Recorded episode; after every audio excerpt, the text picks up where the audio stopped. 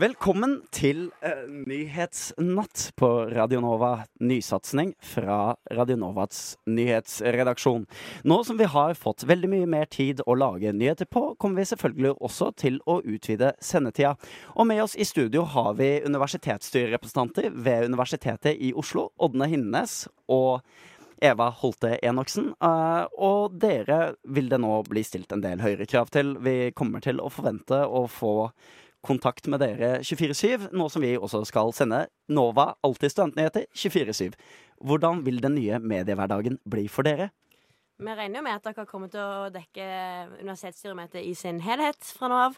Eh, selvsagt. Eh, og eh, på samme måte regner vi med at dere kommer til å dekke studentparlamentsmøtene, velferdsstingsmøtene, NSO eh, sine landsstyremøter, og dessuten arbeidsutvalget sine møter. Det blir jævlig mye mer arbeid på meg, da holde styr på Gabriel, som uh, ikke kan forventes å være i god form hele uh, alle de 24, 24 timene. Er du, er du, redd for at dette skal få stor innvirkning på din uh, hverdag? At Radio Nova går DAB? Altså, det kan fucke opp mediestrategien til studentparlamentet. da. På hvilken måte vil dette fucke opp mediestrategien til studentparlamentet? Gabriel kommer til å være bakfull mye mer av tiden som Radio Nova sender.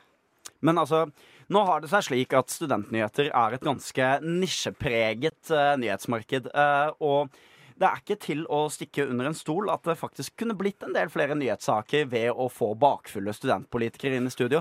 Vil dere love oss å bli mer bakfulle?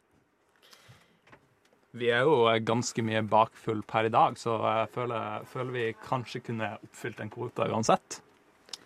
Dere kan eventuelt invitere oss mer på fest. Da vil vi bli mer bakfulle. Eh, og dere vil få bedre nyheter. Vil dere godta at vi begynner å livesende nachspielene til studentparlamentet? Altså, Jeg ser ikke hvordan vi kan hindre pressen i å gjøre sin eh, oppgave. Kan vi anse denne avtalen som bindende? Ja, det kan du. Takk. Ja.